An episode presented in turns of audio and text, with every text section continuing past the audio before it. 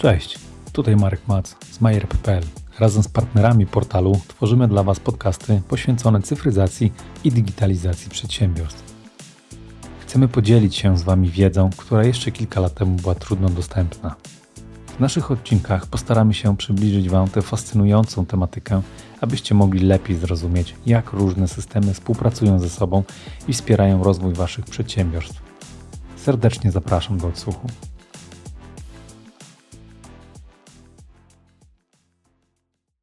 Cześć wszystkim. Dzisiaj moim gościem jest Michał Dobrzyński z firmy BPSC. Wydaje mi się, że to będzie szczególny odcinek, bo bardzo długo na ten odcinek czekałem. Muszę tutaj dodać, że dużo rzeczy nauczyłem się też od BPSC, między innymi ten sprzęt, przez który teraz nas słyszycie. No to jest e, dużo tutaj porad Piotrka i Kuby. Także cześć Michale. Cześć, witam serdecznie.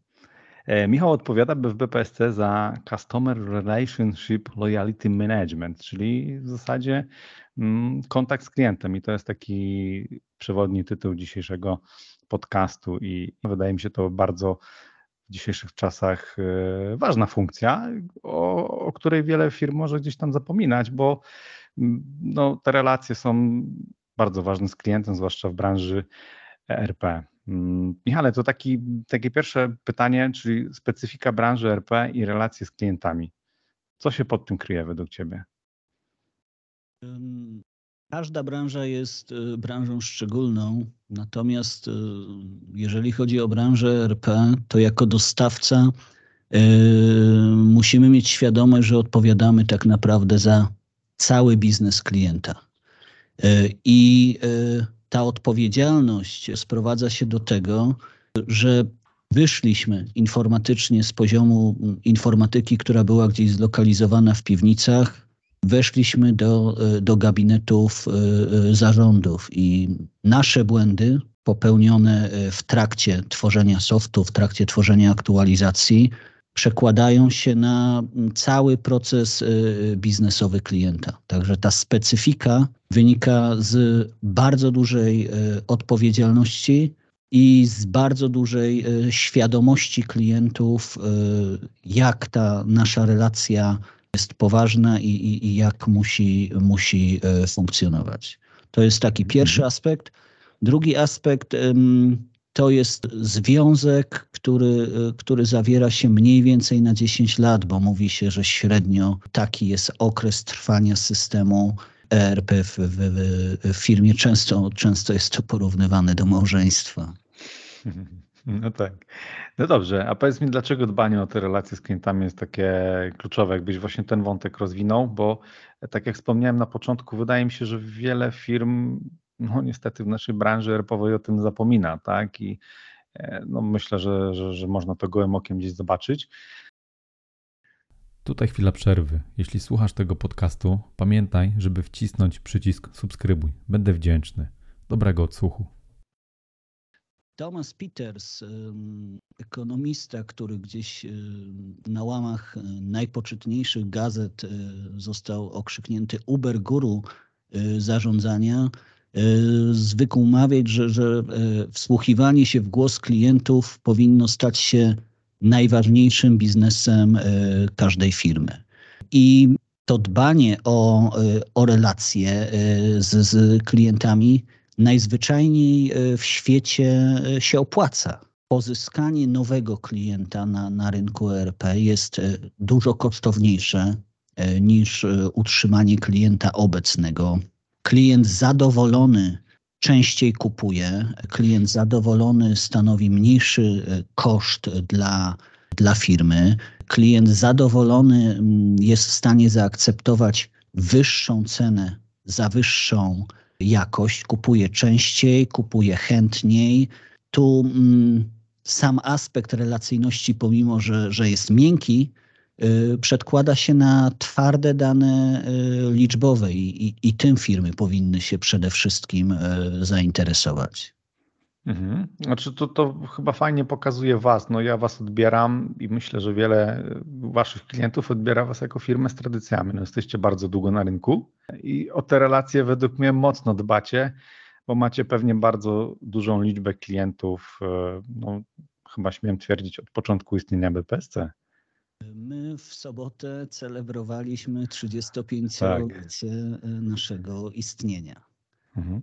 Są firmy, które są z nami wręcz od samego początku, które przechodziły przez nasze systemy clipperowe, formsowe po, e, po obecny system Impuls Evo i myślę, że gdyby gdyby ta relacja nie funkcjonowała, to na przestrzeni tych trzydziestu kilku lat e, miały wiele okazji e, do tego, żeby zmienić system na inny. Dodatkowym aspektem jest, jest fakt, że firmy do nas bardzo często wracają. Kiedy czasem ze względu na jakieś przejęcia korporacyjne y, czy nieprzewidzialne wydarzenia zmuszone są do, do zmiany systemu ERP, częste jest, że, że, że po kilku latach y, wracają, pytają, jak i co można zrobić, y, żeby z powrotem zacząć działać na impulsie. No, no to jest bardzo fajne, tak? No to, czyli pokazuje, że naprawdę dajecie radę i robicie dobrą robotę. A to jak ty identyfikujesz te potrzeby klientów? My mamy mm, różne źródła identyfikacji y, potrzeb klientów. Y, mamy utworzoną taką strukturę, która nazywa się Forum Ekspertów. Mhm. Kilka razy do roku spotykamy się z, z przedstawicielami głównych branż y, i rozmawiamy i dyskutujemy, w którą stronę ich zdaniem powinniśmy pójść, jeżeli chodzi o rozwój naszego systemu. Lata temu odeszliśmy od modelu tworzenia e, w biurach programistów rozwiązań funkcjonalnych i przekonywania biznesu, słuchajcie, to jest fajne. Najpierw chcemy usłyszeć od biznesu, co by było fajne, potem wespół z biznesem rozwiązanie stworzyć i wtedy przekazać je e, do rynku. Mhm. Taki przyjęliśmy model uzyskiwania y, tych potrzeb i to bardzo, bardzo nam y, się sprawdza. To jest pierwsza rzecz. Druga rzecz, znowu musimy wrócić do tej relacyjności, bo klienci, żeby powiedzieć, czego oczekują, muszą zaufać dostawcy. Takim częstym zdarzeniem jest, że to pierwsze spotkanie z klientem jest bardzo specyficzne. Klient mówi o tym, co ma zrobione dobrze, E, chwali się swoimi sukcesami, pokazuje, gdzie e, wszystko działa jak należy, ale bardzo niechętnie mówi o tym, po co tak naprawdę się z nami spotkał, gdzie ma problem, z czym nie daje sobie rady, gdzie e, wyprzedza go konkurencja i mm, dopiero kiedy zaufa dostawcy, będzie w nim widział z jednej strony partnera biznesowego, z drugiej strony pewnego powiernika swoich sekretów, mhm. wtedy takie projekty mają szansę, szansę się udać, bo adresują rzeczywiste potrzeby klienta. Okej, okay, ale to, to nie uważasz też, że wynika to z tego, że no, klienci mogą też nie wiedzieć, co, go, co ich boli, tak? Mm, znaczy, tu zgadzam się z tym, co mówisz, że boją się na pierwszym gdzieś tam spotkaniu, na tych pierwszych etapach faktycznie powiedzieć y, o tym, jak faktycznie u nich w firmie jest mają jakby lęk przed tym, ale ja też tak wnioskuję i widzę po rynku, że duża część klientów po prostu nie wie, jakie są ich potrzeby. Nie? Wiesz, wcześniej też było tak, że przy tych spotkaniach z klientami to były czysto handlowe rozmowy. Ja uważam, że są teraz czasy, kiedy to tak naprawdę już nie jest handlowiec, tylko specjalista, czy też człowiek, który zna się, albo inaczej, doradca biznesowy, tak? Ja tak odbieram teraz osoby, które przyjeżdżają do klienta i potrafią doradzić, a kiedyś tego nie było. No? Na pewno świadomość rynku rośnie. Mhm. Tu bez dwóch zdań y, klienci, którzy decydują się na y, wdrożenie, są dużo lepiej wyedukowani niż, niż to miało miejsce 15-20 lat temu. To jest, to jest ten pierwszy aspekt. Często może być tak, jak powiedziałeś, że nie do końca czują, gdzie jest problem, natomiast sama świadomość tego, że to nie funkcjonuje jak należy, że mogłoby funkcjonować inaczej. W tej chwili y, dostępne, ogólnodostępne są różnego rodzaju benchmarki dla marek. Oni widzą, że, że konkurencja mm, dostarcza szybciej, oni często widzą, że konkurencja ma y, mniej zwrotów, że konkurencja jest w stanie szybciej zareagować na, y, na rynkowe zmiany. I, i, I te wszystkie dane powodują, że zapala im się taka lampka ostrzegawcza, że coś w biznesie trzeba zmienić. No i, i wtedy pojawiamy się my. Okej. Okay. Przez takie wasze podejście, znaczy to ja uważam, że to jest bardzo dobre podejście, bo jeszcze dzisiaj niestety wszyscy rozwijają, może kompetencje to jest złe słowo, ale rozwijają jakby relacje z klientem właśnie poprzez wymyślanie samodzielnie, co jak powinno działać, czy w systemie, czy wymyślają jakieś feature'y, czyli nie rozmawiają z tym klientem, tak? To, co wy robicie, wydaje mi się bardzo na czasie i pewnie śmiem twierdzić, że no, jesteście jednym z pierwszych firm, które coś takiego zastosowały już lata temu. Bo no, obserwuję Was też od paru lat, jakby współpracujemy razem, więc mniej więcej wiem, co się u Was dzieje. E, no i niestety widzę po rynku, że wiele firm działa w, w, w ten, powiedzmy, w takim starym modelu. Ale chciałem zapytać się, czy dzięki takiemu działaniu to też jesteście w stanie, jesteś w stanie budować takie przejrzyste zaufanie i być bardzo wiarygodnym, e, jeśli chodzi o te relacje w, z klientami? Dwa lata temu y, zastanawiałem się, jakie działania BPSC mogłoby podjąć, żeby zwiększyć taką wiarygodność y, i przejrzystość swoich działań i, i tego, jak jest odbierany na rynku. Mhm. I Odpowiedzią na to jest program, który nazwaliśmy Ask Me Anything. Klienci mają dostępny portal, na mhm. którym mogą publikować dowolne pytania, dowolne zagadnienia, które chciałyby, chcieliby, żeby były zaadresowane przez BPSC. Następnie głosują na te pytania, rynek głosuje i cyklicznie raz na kwartał na te y, wątki, które uzyskały najwięcej głosów, my publicznie w takiej formie, jak to dzieje się y, w tej chwili, czyli na zasadzie mojej rozmowy z odpowiednimi przedstawicielami BPSC, produktu, y, handlu czy, czy prezesa zarządu, adresujemy te zagadnienia tak, żeby nie było pytań bez odpowiedzi mhm. i tak, żeby nikt nie odniósł wrażenia, że, e, że coś ukrywamy. Pracujemy nad tą przejrzystością, bo uważamy, że e, tylko tego typu e, organizacje działające w takim trybie będą w stanie są w stanie zbudować długofalową relację ze swoimi klientami. Mhm. Ja, I powiedz mi, jak to się przyjęło u Was? Bo ja takie rozwiązanie też pamiętam naprawdę z lat ubiegłych, no między innymi Komarch coś takiego kiedyś zrobił, uważam, że im to nie wyszło, IFS swojego czasu też miał coś podobnego, nazywało się Idea Wall chyba, z tego co pamiętam. I było ok, ale wydaje mi się, że chyba zostało zaniechane, bo jakby nie widzę, żeby to się gdzieś tam rozwijało. A po Was, właśnie dzięki temu, że Wy to publikujecie, publicznie, co jest mega super, naprawdę to jest fajne, bo można po prostu sobie to obejrzeć na YouTubie, mm, no to mam wrażenie, że chyba musiało się to dobrze przyjąć. Na ten moment y, nie narzekamy. Y, pojawiają się kolejne pytania, są oddawane głosy i, i, i mamy jeszcze szereg wątków, które chcielibyśmy zaadresować. Okazuje się, że czasami my jako organizacja chcielibyśmy na coś odpowiedzieć, ale rynek niespecjalnie jest zainteresowany odpowiedzią. Y, y, interesują ich zupełnie, zupełnie inne wątki. Także jeżeli chodzi o nas, to, to taki model się sprawdza. Może dlatego, y, że my, tak jak wspomniałeś, od wielu lat jesteśmy dużo bliżej tych klientów niż, niż wspomniane, wspomniane przez Ciebie firmy, firmy informatyczne. My w większości mm, działamy bezpośrednio, nie bardzo rozległą siecią, siecią sprzedaży, jak, jak, jak, jak na przykład Komarch.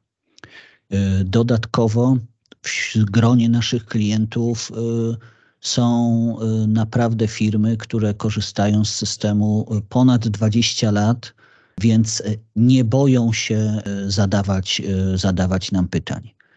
Mhm. Ja bardziej obawiam się, że w pewnym momencie może nie po, mogą się nie pojawiać pytania, które w bieżącej działalności nie są po prostu adresowane i, i wszystko dla rynku będzie jasne i, i klarowne. My bardzo mocno jako organizacja rozwijamy dział edukacji, rozwijamy wespół z działem marketingu informacje produktowe, organizujemy cykle konferencji, gdzie również z jednej strony prezentujemy, z drugiej strony odpowiadamy.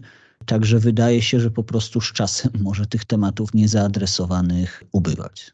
Okej, okay, no to tu wspomniałeś y, odnośnie szkoleń i jakby chyba podnoszenia tych kompetencji. No to właśnie chciałem zapytać się, jakie to są kompetencje związane z, z obsługą klienta, na co wystawiacie? Przede wszystkim y, te osoby współpracujące z klientami muszą być partnerem do rozmów. Więc z jednej strony y, doświadczenie, z drugiej strony na pewno wiedza y, produktowa. To są te dwa aspekty. Natomiast y, jest coś takiego kluczowego, ciężkiego do, do zdefiniowania, czyli ogół tych umiejętności miękkich. Klienci muszą z tymi osobami chcieć rozmawiać. Staramy się, żeby dopasować opiekunów handlowych do klientów niejednokrotnie pod względem charakterologicznym, żeby energiczny pracował z energicznym, a, a spokojny y, ze spokojnym, bo, bo miksy y, krzyżowe y, nie przynoszą odpowiedniego, odpowiedniego efektu. To muszą być na pewno ludzie, którzy, którzy potrafią pracować z relacjami, to muszą być ludzie, którzy y, dotrzymują danego słowa i to muszą być ludzie, którzy mm, nie boją się komunikować też y, niekorzystnych rzeczy, bo nie wszystko jest możliwe do załatwienia od ręki. Czasem trzeba przekazać klientowi mniej korzystną informację. Ja wychodzę z założenia, że zła informacja jest lepsza od braku jakiejkolwiek e, informacji. A mm, jesteś w branży, więc wiesz, że, że e, niektórzy boją się być tymi złymi posłańcami, bo, bo, bo gdzieś tam mają wrażenie, że, że złym posłańcom e, kiedyś ścinano głowy. Dokładnie. No to ja bym tu jeszcze dodał pytanie, to w takim razie takie osoby u Was korzystają z jakichś narzędzi bądź po prostu z nowszych technologii? Jeżeli chodzi o aspekt zarządzania relacjami, to y, jest y, na rynku wiele systemów y, CRM-owych i są lepsze rozwiązania, gorsze rozwiązania. Są oczywiście też nasze autorskie, do których gorąco. Chciałem zapytać się, to, to jakie polecasz, ale chyba już wiem. Gorąco, gorąco zachęcam. Natomiast tu mm, niekoniecznie są nam potrzebne y, wyszukane narzędzia, żeby y, otrzymać y, wartościowe dane. Jest mm, badanie liczbowe, na przykład, które, które nazywa się Net Promoter Score. Pewnie słyszałeś. To jest badanie, które opiera się na jednym pytaniu, na ile prawdopodobnym jest, że poleciłbyś firmę swojemu znajomemu. Mhm. Y, respondenci odpowiadają w skali od 1 do 10. Jest tam wyliczana proporcja y, krytyków do, do promotorów, i w zależności od otrzymanych wyników można z jednej strony mm, się zbenchmarkować z innymi firmami branży, żeby ocenić y, liczbowo, jak, jak widzi nas rynek, z drugiej strony y, śledzić, y, czy te działania, które, które podejmujesz jako organizacja, przynoszą oczekiwany efekt, y, bo jakoś działania na relacjach trzeba, trzeba zmierzyć. I mm, badanie jest e, na tyle skuteczne, że, że, że już w 2003 roku Freight Reichelt na, na łamach Business Harvard Review miał powiedzieć, że, że w zasadzie NPS jest jedyną liczbą, której y, potrzebujesz y, w budowaniu swojego, swojego biznesu. Mhm. No to, to ja mam tutaj pytanie, jak, bo czy możesz zdradzić, zdradzić taki protip, jak namawiacie klientów, żeby brali w tym udział? Bo ja wiem, że bardzo wiele firm polskich ma problem, żeby ich klienci odpowiadali na to pytanie. No, skala odpowiedzi jest skromna, bym powiedział. My adresujemy y, to pytanie imiennie do firm, y, natomiast nie wymagamy imiennej odpowiedzi. Okay. Wystarczy nam, że otrzymujemy y, informacje o, z biznesu bez agregacji jakichś tam danych osobowych. Ja zwracam się osobiście z prośbą do, do osób o, o wypełnienie tej, tej ankiety, a ponieważ pracuję z tymi firmami od lat y, i, i ja jestem często o coś proszony, to ta prośba y, y, z mojej strony zwrotna też może nieco zwiększa ilość osób, które decydują się na, na odpowiedź. Nam się udaje, to wiadomo, nie, nie otrzymujemy 100%, 100% mhm. odpowiedzi, ale od y, paru ładnych lat y, ta, y, ta ilość udzielanych odpowiedzi oscyluje w okolicach kilkudziesięciu procent, także jest już dla nas taką wiarygodną bazą danych. Mhm. Okej. Okay. A jesteś w stanie przytoczyć jakiś przykład udanej strategii w relacjach z klientami? Wiesz, fajnie byłoby dać taki przykład, że było ciężko na początku, było to wyzwanie, e, no i finalnie naprawdę do dzisiaj macie dobre relacje z takim klientem? Ja uważam, że mm, jedną z takich y, relacji, która y, pozwala budować, jedną z, ze strategii, która mm, pozwala budować relacje, jest taka psychologiczna strategia pod nazwą nie bój się prosić o pomoc. Mhm. Czyli klient, który zostaje przez nas o coś poproszony, ma wrażenie, zresztą słuszne, że został obdarzony zaufaniem, że skoro y, my prosimy klienta o coś, to liczymy na niego, to wiemy i pokładamy w nim, w nim swoje zaufanie, a mm, naukowo jest udowodnione, że y, ten klient y, nie będzie miał potem oporów, żeby zwrotnie zwrócić się z taką prośbą do nas. A o to chyba chodzi w relacjach, żeby sobie nawzajem y, pomagać. Dobrze, no to Michale, to ja Ci bardzo dziękuję, bo wydaje mi się, że temat fajnie wyczerpaliśmy i mam nadzieję do usłyszenia, bo, bo tak jak wspominałem, długo czekałem na to nagranie i chciałbym więcej. Dzięki wielkie.